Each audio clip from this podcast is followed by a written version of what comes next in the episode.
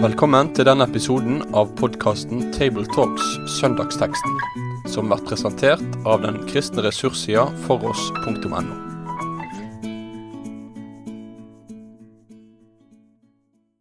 Hjertelig velkommen til en uh, ny episode av uh, Tabletalks, der vi samtaler over søndagens tekst. Denne søndagen som vi skal snakke om i dag, er for uh, søndag 28. januar, som er såmannssøndag.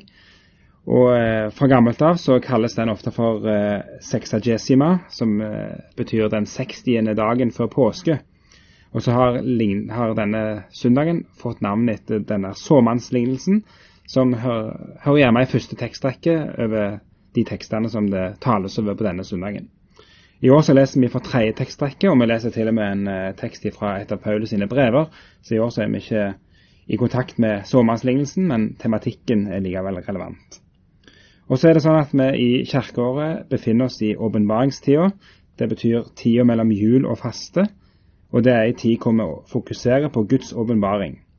Og Fram til nå i tekstene så har vekten på en særlig måte ligget på Kristus, som er Guds åpenbaring, men dette en søndag kommer også vil vektlegge at Bibelen er Guds åpenbaring, eh, at Herrens ord eh, må nå lenger ut og dypere inn i verden og inn i menneskehjertene. Og Ofte så er dette en dag hvor en iallfall i kirkene tar opp offer til bibelselskapene for å liksom markere på en særlig måte at dette her er en dag hvor vi legger vekt på Guds ord. Så er det meg, Knut Kåre Kirkholm, som er med her, og så har jeg med meg min kollega fra Fjellhaug. Sverre Bø. Og I dag så er det oss to som skal snakke om teksten. Og Så skal vi nå lese fra Romerbrevet, kapittel 10, vers 13-17. For hver den som påkaller Herrens navn, skal bli frelst. Men hvordan kan de påkalle en som de ikke er kommet til tro på? Og hvordan kan de tro på en som de ikke har hørt om? Og hvordan kan de høre uten at det er noen som forkynner? Og hvordan kan de forkynne uten at de blir utsendt?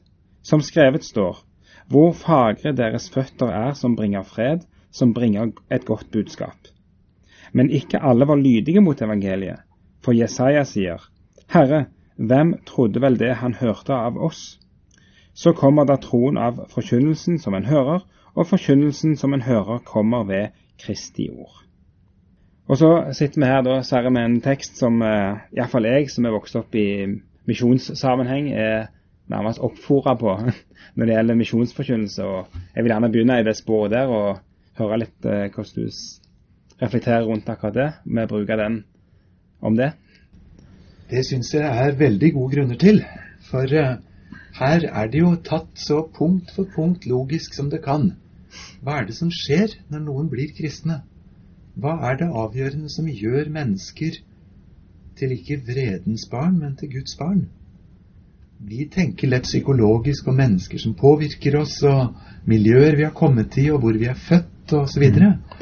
Men her får vi innersiden. Eh, troen kommer en annen vei. Jeg husker godt hvor ofte vi ble forklart fra søndagsskolen og videre oppover om to gutter på vei hjem fra søndagsskolen som hadde hørt om eh, at Jesus bodde i hjertet. Mm. Og på gutters vis så forundra de seg over et så rart bilde og sa hvordan kan Jesus som er så stor, få plass og komme inn i hjertet mitt. Mm. Og det gode, klassiske svaret til kompisen var at det var vel ikke noe problem, for han bare kryper inn gjennom ørene. Yes. Mm. Eh, og det er jo et saklig poeng her, at det mm. som ikke kryper inn gjennom ørene, det kommer faktisk ikke inn i hjertet. Ja, stemmer. For det, her, her, er jo nettopp dette med, med hørelsen. Det, det, er en høre, og, og det er jo et, eh, et, uttrykk i Bibelen som uh, som jo er så viktig. Og vi sier vel også i katekismen at Ånden har kalt meg ved evangeliet. Så der har vi denne kombinasjonen av at det der er et budskap som skal høres. Jeg husker en gang så hadde en eh, bibelforsker lett seg gjennom Bibelen mm. hva det sto mest om. Mm. Å tale rett eller å høre rett. Ja. Og han påstod at det var ca. dobbelt så mange tekster som handlet om å høre riktig, mm. som om å tale riktig. Ja. Og så brukte han det til et godt poeng i at når vi hører forkynt eller opplest fra Bibelen, mm. så er det mye på spill. Ja. Og det er ingen automatikk i hvordan det virker. Mm. Mm. Så det å slippe det ordet til, det gjør kjempeforskjell. Ja. Jeg ble faktisk i dag ordentlig glad i det uttrykket som jeg har oversett så mange ganger, Mm. eh, om at troen kommer. Ja. Mm. Eh, troen er ikke noe vi tar, det er noe vi får, Mm. men den rett og slett kommer. Ja. Og hvor kommer den fra? Mm. Det burde jeg ha sett for lenge siden, men det er jo et poeng da i vers 17 av teksten vår. Mm. Så kommer da troen av forkynnelsen som en hører. Mm. Så troen er noe som kommer. Ja, stemmer. Mm. Så det er en form for organisk eh, sammenheng mellom budskapet som en hører, og det som da produseres i vårt hjerte ved ånden, at vi, troen kommer. Ja, Ja. Og jeg har en fantastisk fin illustrasjon på det som, Ja. som jeg ikke blir ferdig med. Det var en av misjonærene våre fra Kenya Mm. som fortalte fra Nord-Kenya. I en uh, liten by var det en eldre mann som var så gammel at han ikke var aktiv i noe arbeid og sånt lenger. Mm. Men på morgenen så hjalp de han ut av senga og dro han med seg bort i hovedgata, bort mot torget. Mm. Og der satt han til om ettermiddagen. De fikk han hjem igjen. Og han kikka litt og hørte litt og fulgte som best han kunne med på hva som skjedde. Mm. Så hadde det seg sånn at uh, en dag da han kom hjem, så fortalte han familien I dag oppdaget jeg noe rart, sa han. Mm. I dag oppdaget jeg at jeg er blitt en kristen. Ja. Mm. Og hva var det som hadde skjedd? Jo, det var en evangelist som hadde kommet til den byen hver tirsdag over lang tid. Og så hadde han stått og fortalt Jesushistorier og forkynt hver tirsdag over lengre tid. Mm. Og denne gamle mannen som satt der, han hørte nå på det. Han hadde ikke gjort noe spesielt. Han hadde ikke sagt fram noen forsakelse og trosbekjennelse, ikke reist seg ikke rukket opp noe hånd. Mm. Men i dag oppdaget jeg noe rart. Jeg er blitt en kristen. Ja. Og misjonæren vår han forklarte hvordan dette stemte med hans opplevelse som misjonær. Han sto og sa noe, og så Mm. hender det merkelig at det han sier, plutselig flytter inn. Mm. Så kommer da troen Mm. krypende inn gjennom ørene Ja. med forkynnelsen. Og det kommer av, av budskapet. Og så står det jo videre om, om denne forkynnelsen at den kommer ved Kristi ord. Og da eh, klarer ikke jeg å dy meg til å stille et grammatikkspørsmål. Hva betyr Kristi ord? Har du noen refleksjoner om det, du? Ja, det er i hvert fall et, eh, et kronglete uttrykk på norsk. Jeg vet ikke hvor mange konfirmanter som forstår genitiven, Kristus sitt ord. Men på godt gresk så kan det bety to litt forskjellige ting. Det kan bety ordet om Kristus, Mm. men det kan også bety Kristus sitt ord, det han taler, eller Mm. det han eier. Og antagelig er bibeloversetterne kommet dit for ikke de tør å velge bort det ene. Mm. Så de tør ikke å si forkynnelsen kommer av ordet om Kristus, for da mister du kontakten med det at dette ordet om Kristus, det hører jo Kristus til. Mm. Det er han som har sagt det. Mm. Og omvendt så lar de det stå med det litt tunge og tvetydige uttrykket. Mm. For forkynnelsen kommer av ordet om Kristus, og det ordet om Kristus, det er det jo Kristus selv som har gitt oss. Mm. Så jeg tror derfor står det litt sånn kronglete på norsk. Ja. ja, for det, tror jeg gjerne òg sjøl at, at her, her, her ligger det en sånn en Dette er sånn gøy for en forkynner. at her, her ligger det en sånn tvetydighet, og så kan vi jo bruke det til å ut, utbrodere litt. Grann. Og så syns jeg det er litt, kanskje litt spennende å se det òg i, i lys av Det er jo to sitater fra GT òg i denne teksten her. Eh, om, eh, om disse fødene som er, er vakre, eh, som forkynner godt budskap. Og så er det da fra Jesaja, 5, det er fra Jesaja 52, og så er det fra Jesaja 53 om, om hvem trodde vel det han hørte av oss. Eh, så her har vi gjerne òg en Kristi ord, og så kommer det disse sitatene her. Og så, OK, her tror jeg òg vi kan lett ta med oss at, eh, at Paulus eh, forstår at her, her, dette henger sammen. Dette budskapet er, som Jesaja forkynner, det er det samme budskapet som, som, som er dette Kristi ord som, som den kristne forkynnelsen skal, skal lufte fram. Og så syns jeg jo at altså disse fødene som, som, som bringer fred og et godt budskap, altså fred og evangelium, godt budskap, det er to ting som, som henger nøye sammen. Og så står det at fødene er fagre, og så er jo jeg sånn anlagt at jeg må da sjekke grunntekst og ser at det, det kan også oversettes med velteima. Altså, ja, det, det er føder som, som er på rett tid, da, eh, som kommer i, kom i tide. Og det, det er noe utrolig verdifullt over ja, det, det bildet som tegnes, tegnes der. Det er jo herolden som kommer springende og forteller krigen er forbi, freden er kommet. Jerusalem, eh, Herren er på vei. Han, han kommer. Og så er det òg sårheten i at det er noen som ikke har, har trodd det de har hørt eh, i dette her, da. Ja, Det er kjempefint. Jeg sitter og, og streker med oransje i teksten min her over alle de verbene som kommer her. Mm. Eh, bringer fred, bringer godt budskap. Og så er det disse komme til tro. Og så er det noen som sender. Mm. Og så er det noen som blir utsendt.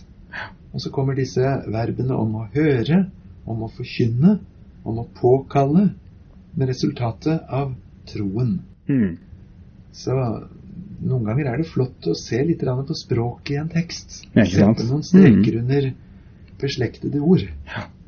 Stemmer det. Og, og verb er jo ofte hand, handlingsordene, og, og liksom, de kan jo hjelpe oss til å, å se hva, hva ting er det som foregår her i den, i den teksten. Og det er jo kjempeverdifullt.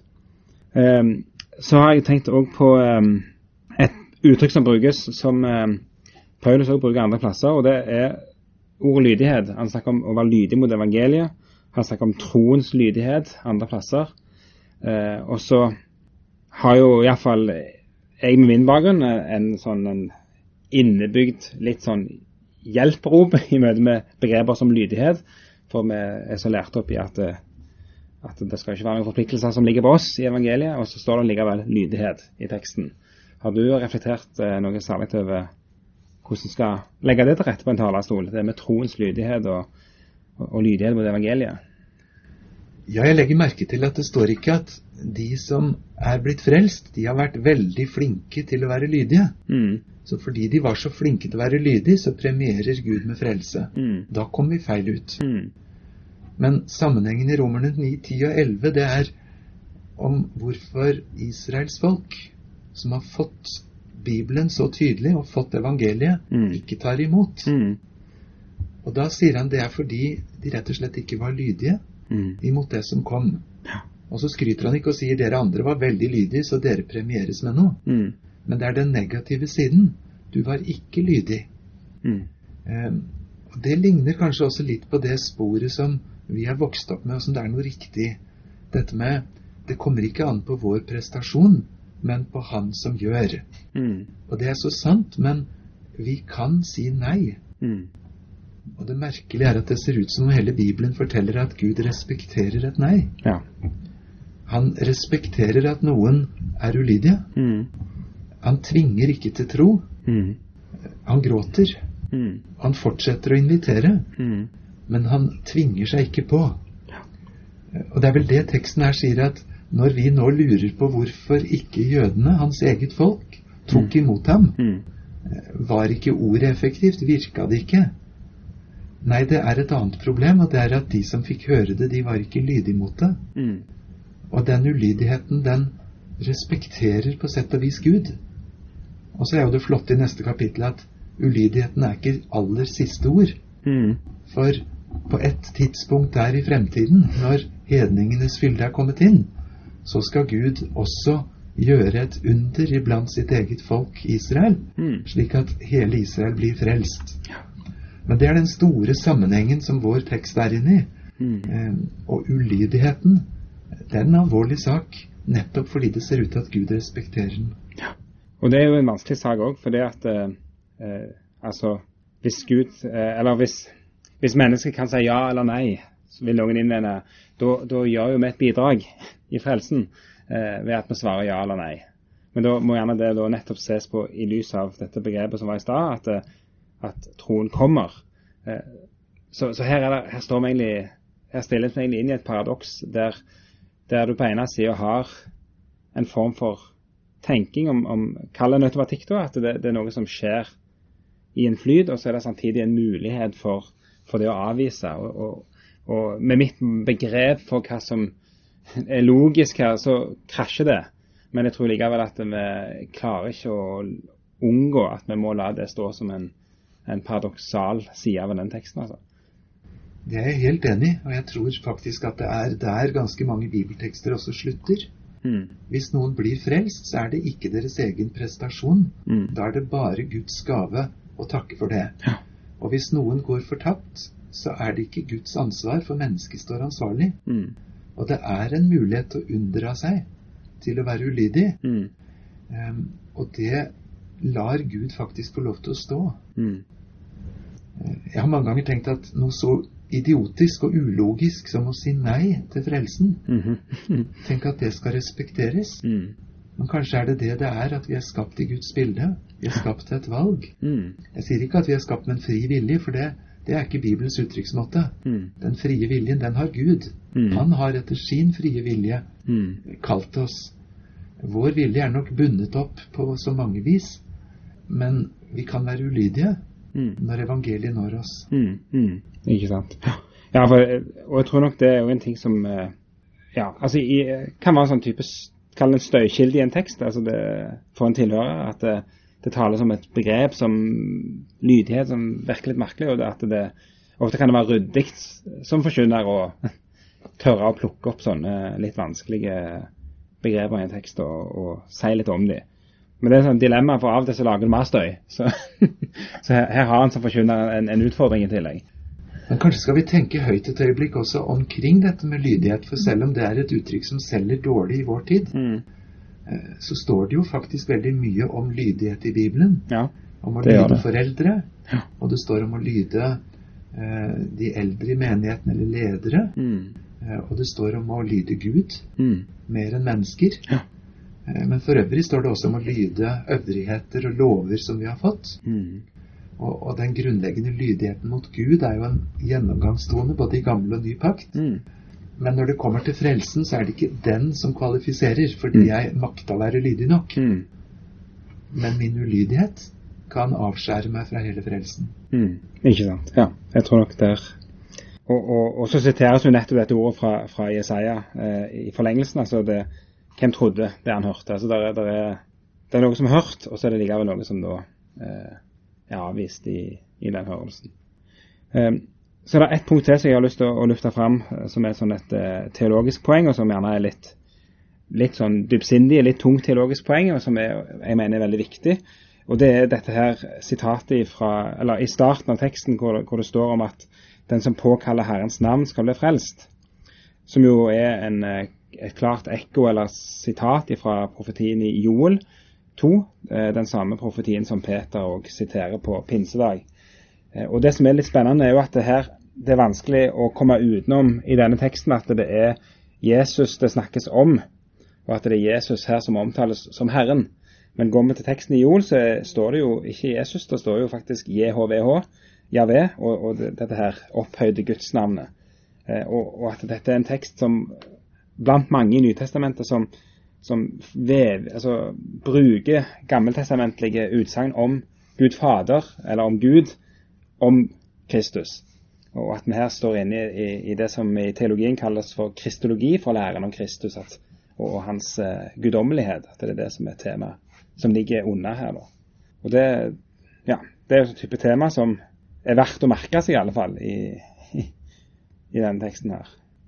Og jeg syns gjerne at den som forkynner, skal stanse opp for akkurat det. Mm.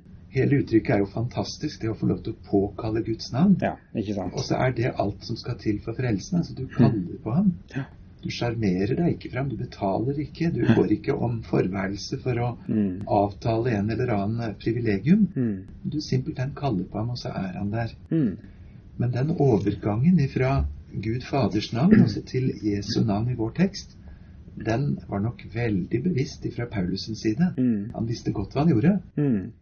Vi har jo fra kristen språkbruk noe som heter treenighet. Mm. Egentlig så burde vi kanskje si et mye sterkere ord treenhet. Mm. Det er jo ikke bare at de tre er enige om et og annet, Nei, de er men de er ett. Ja. Mm. Triune God.